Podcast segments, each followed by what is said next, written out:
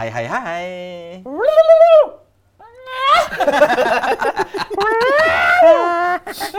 Selamat, Selamat datang. di Selamat datang di Lo Kok podcast bersama saya Soleh Solihun. Ada kriting? Dan saya Arda Rwanda. Di Lo Kok podcast kan udah tadi.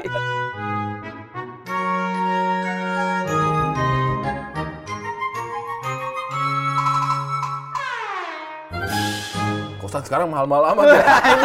Langsung Bridging dulu lagi. dong. Eh, ngapain? Jangan tiba-tiba. Jangan tiba-tiba kosan sekarang mahal banget ya. Orang lu nggak udah nggak ngekos. Lokomotif di luar sana sudah tahu lah kita sebenarnya sudah mempersiapkan tema. Iya. Tidak usah lah membodoh-bodohi pendengar kita dengan seakan-akan mengalir gitu. Iya justru kalau mengalir bagus. Iya tapi itu kan berusaha apa yang menurut saya itu trik-trik gitu. Seakan-akan pembicaranya tidak disetting. Udah kami hari ini temanya kosan mahal. Mahal. Karena memang pertama kali saya datang ke Jakarta, saya Semua merasa- kosan terasa mahal. semua kosan terasa mahal.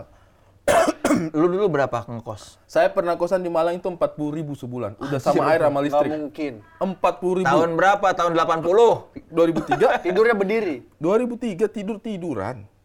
Kamarnya segede apa? Ka- kamarnya itu eh, tiga, tiga, tiga kamar. Ada ada satu kam ada dua kamar tidur, satu kamar tengah untuk tempat kita kerja. Kontrakan. Iya. 40 ribu sebulan. Jadi itu 80 ribu sebulan. Tapi karena kami tinggal berdua, jadinya kan 40 ribu satu orang. Kenapa 80 ribu? Ya karena semurah itu kos-kosan di Malang. Dari Terus bilik ya? pindah- Dari, dari biliknya? Enggak, bagus Di bawah tempatnya. kolong jembatan? Enggak, bagus tempatnya, sumpah.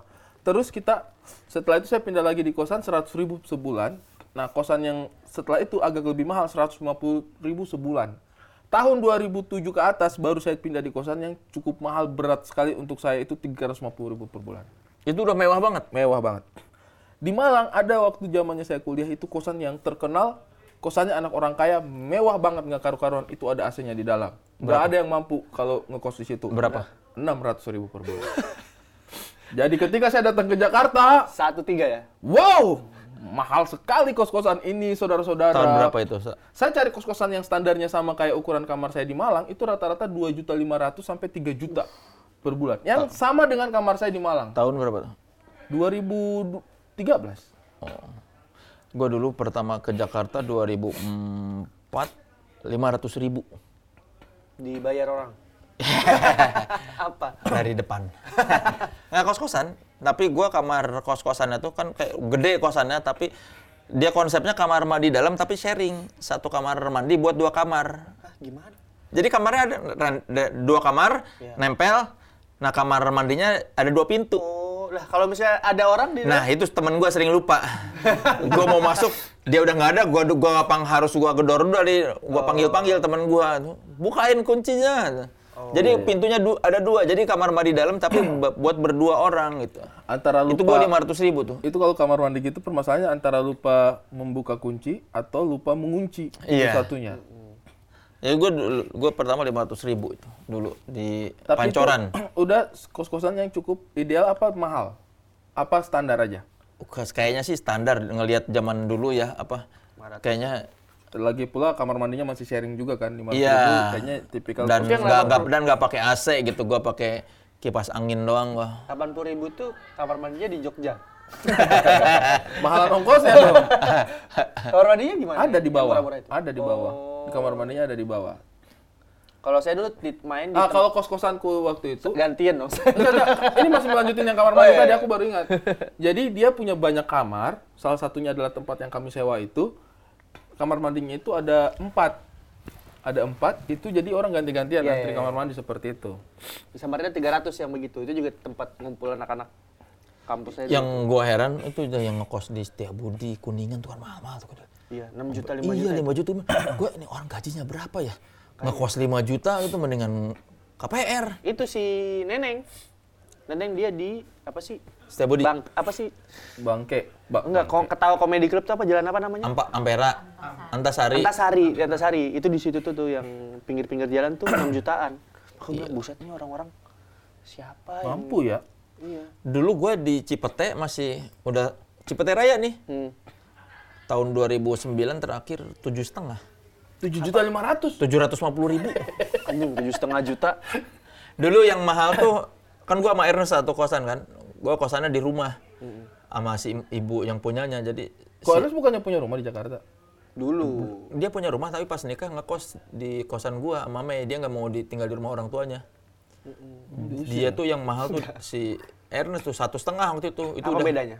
gede. Oh. Oh, barang-barangnya bisa banyak. Iya, orang bapaknya bikin lemari di kamar si Ernest. Snow gimana? Belum lagi dibikin. Bahkan Sky dulu dong. Sama tiba-tiba langsung ya itu, bahas. itu aja dulu kayak yang si Ernest satu setengah aja gue, oh si Ernest satu setengah. Iya, Kaya nih. orang kaya. Iya orang kaya nih bisa ngebayar kosan Lu satu masih setengah. belum nikah? Belum, gua kan iya dari 2004 sampai 2009 gua di Cipete, gua tujuh setengah kamar mandi itu di luar itu maksudnya rame-rame sharing sharing. Kalau satu setengah itu udah di dalam. Enggak, sa- sama Tetap juga. juga. Tapi kan lokasi do Cipete Raya Iya, loh, dekat Cipete 4.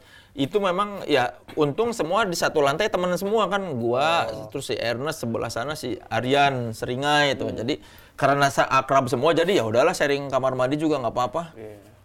Jadi kalian bayangkan tuh perasaan saya pindah dari kosan 350 ribu ke kosan 1 juta 300. Saya harus menanggung 1 juta loh itu peningkatannya dalam singkat gitu. Jadi kayak memang berasa ketika ke Jakarta itu kota apa ini? Dan itu itu juga standarnya di bawahnya standarnya kosan saya yang lama. Tapi iya gua per- 1 juta 300 ini. pas gua pindah ke kosan Cipete itu pertama kalinya gua ngerasain punya kamar ada AC. Serius yang selama ini? Ya kan di Bandung nggak perlu AC. Sama di Malang juga nggak perlu Di, AC. panco- di pancoran gua keringetan mulu makanya nggak ada AC karena 500 ribu pakai kipas angin dong. Gua mandi jam 1 pagi aja beres keluar kamar mandi keringetan lagi. Saking gerahnya itu di pancoran. Begitu di Cipete ah, ada AC-nya ini ternyata enaknya tidur pakai AC tuh begini nih.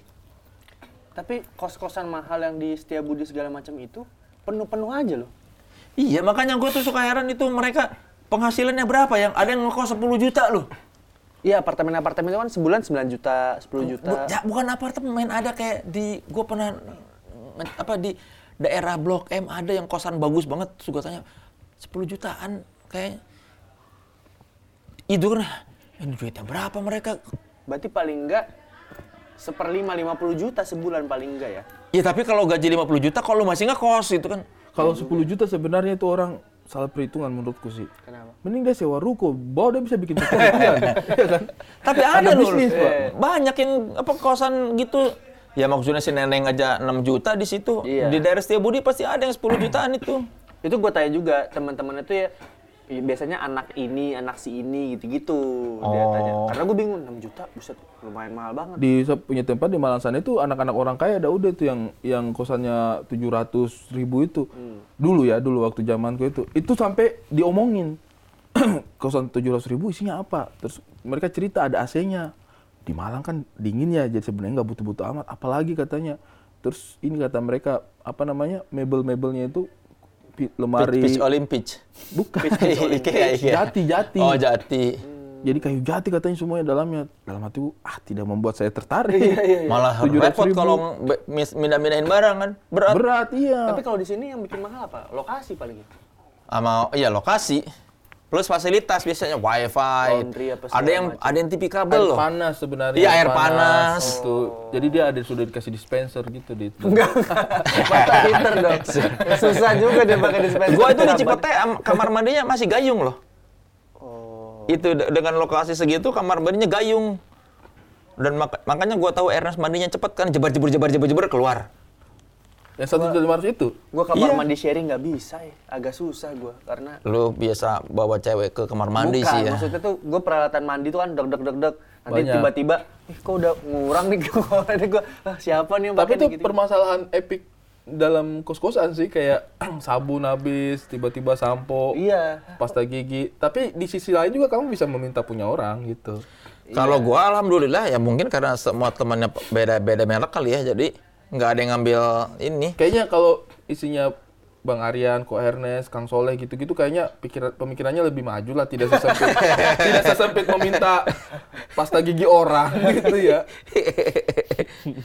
Tapi lu pernah ngekos berdua Pernah, buat menghemat biaya? pernah. Sering saya. Saya tuh malah baru berhenti punya teman di dalam kos itu nanti setelah punya pasangan. Jadi lu kumpul kebo. Ih, ih. Bukan ke situ arahnya. Iya. Maksudnya saya tuh selalu ada teman di di ngekos itu nggak hampir nggak pernah sendirian. Membantu teman, lebih ke membantu teman. Iya. Karena menurut saya ya kos-kosan tuh ditinggalin berdua apa bertiga sama aja gitu. Tapi ada yang nambah biaya kan? Iya, ada yang nama biaya. Ya kalau selama nggak nambah biaya ya sih kalau saya sih fine fine aja. Karena kan maksudnya saya bayar kosan itu 2 juta misalnya gitu kan. Saya, kosan yang saya terakhir 2 juta. Saya bayar kosan itu 2 juta.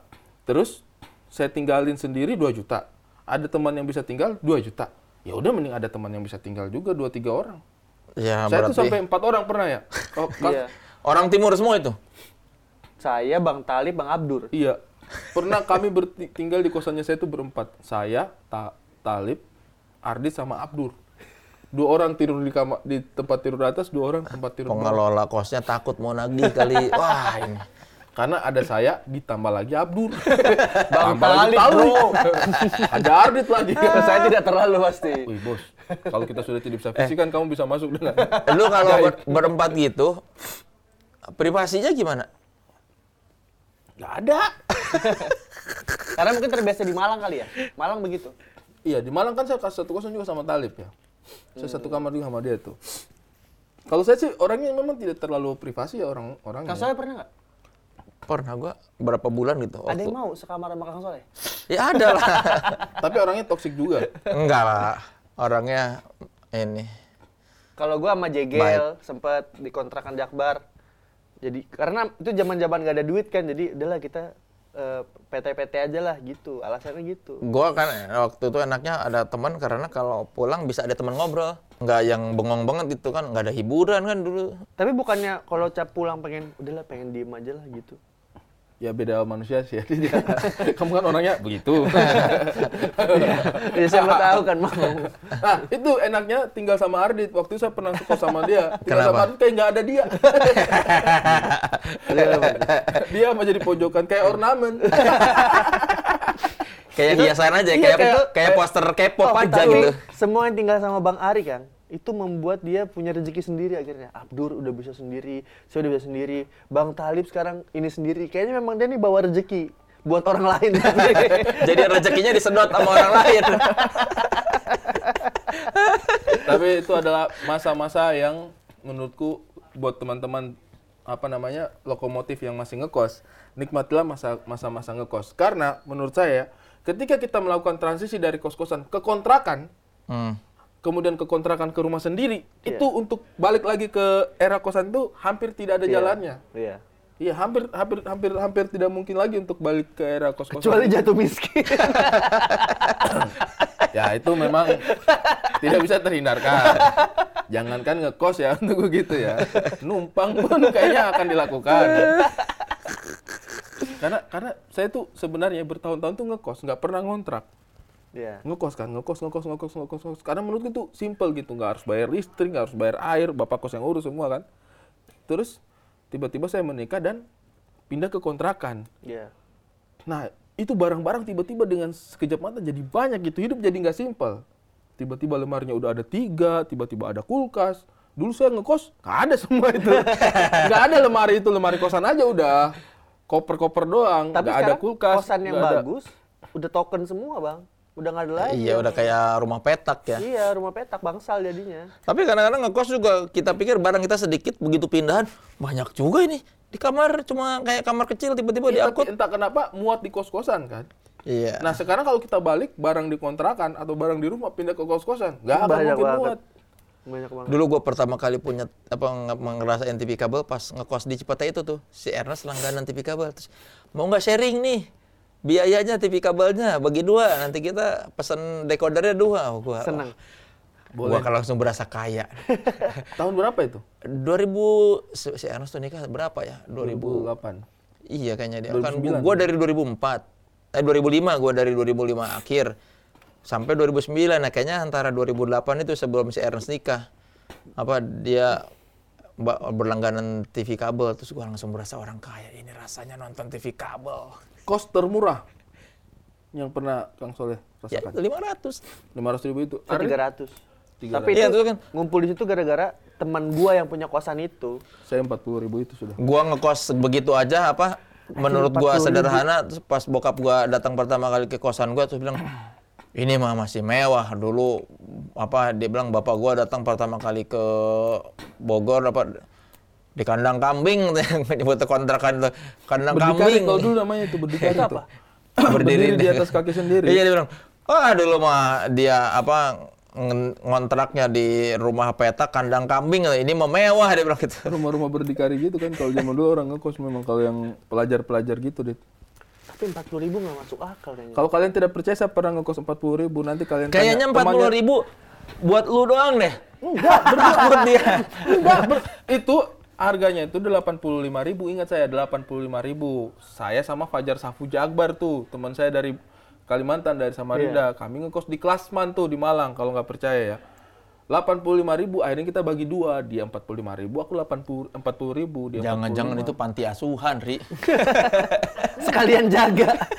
Sekalian jaga. Tapi kamarnya yang lain juga itu 60.000 ribu. Kamarnya yang lain, yang satu orang, yang kamar-kamar biasanya itu 60.000 ribu. Kamar yang kami berdua itu 85.000 ribu.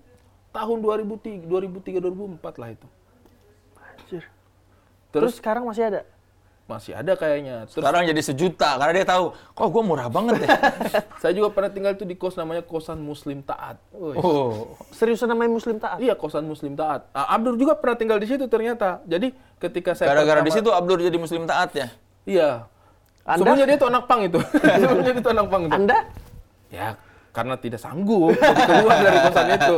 Itu berapa? yang itu seratus sepuluh ribu. Seingatnya saya itu seratus sepuluh ribu. Kosan di Malang itu murah-murah. Si Bene juga di Jogja, dia ada yang sejuta setahun gitu, Kang. Ya itu kan sama aja Malang kurang sama Jogja ya. itu kayak gitu. Nah, itu saya sekitar tahun 2003, 2004 saya sudah mulai ngekos kan 2003. Hmm. Bene tahun berapa dia baru masuk kuliah? 2009 apa Iya, 2008 tuh? Itu masih dapat sejuta setahun kan? Iya. Masuk akal kosan di Malang itu 40 ribu sebulan. untung nggak mereka Ya, saya nggak tahu. Yang penting kami untung.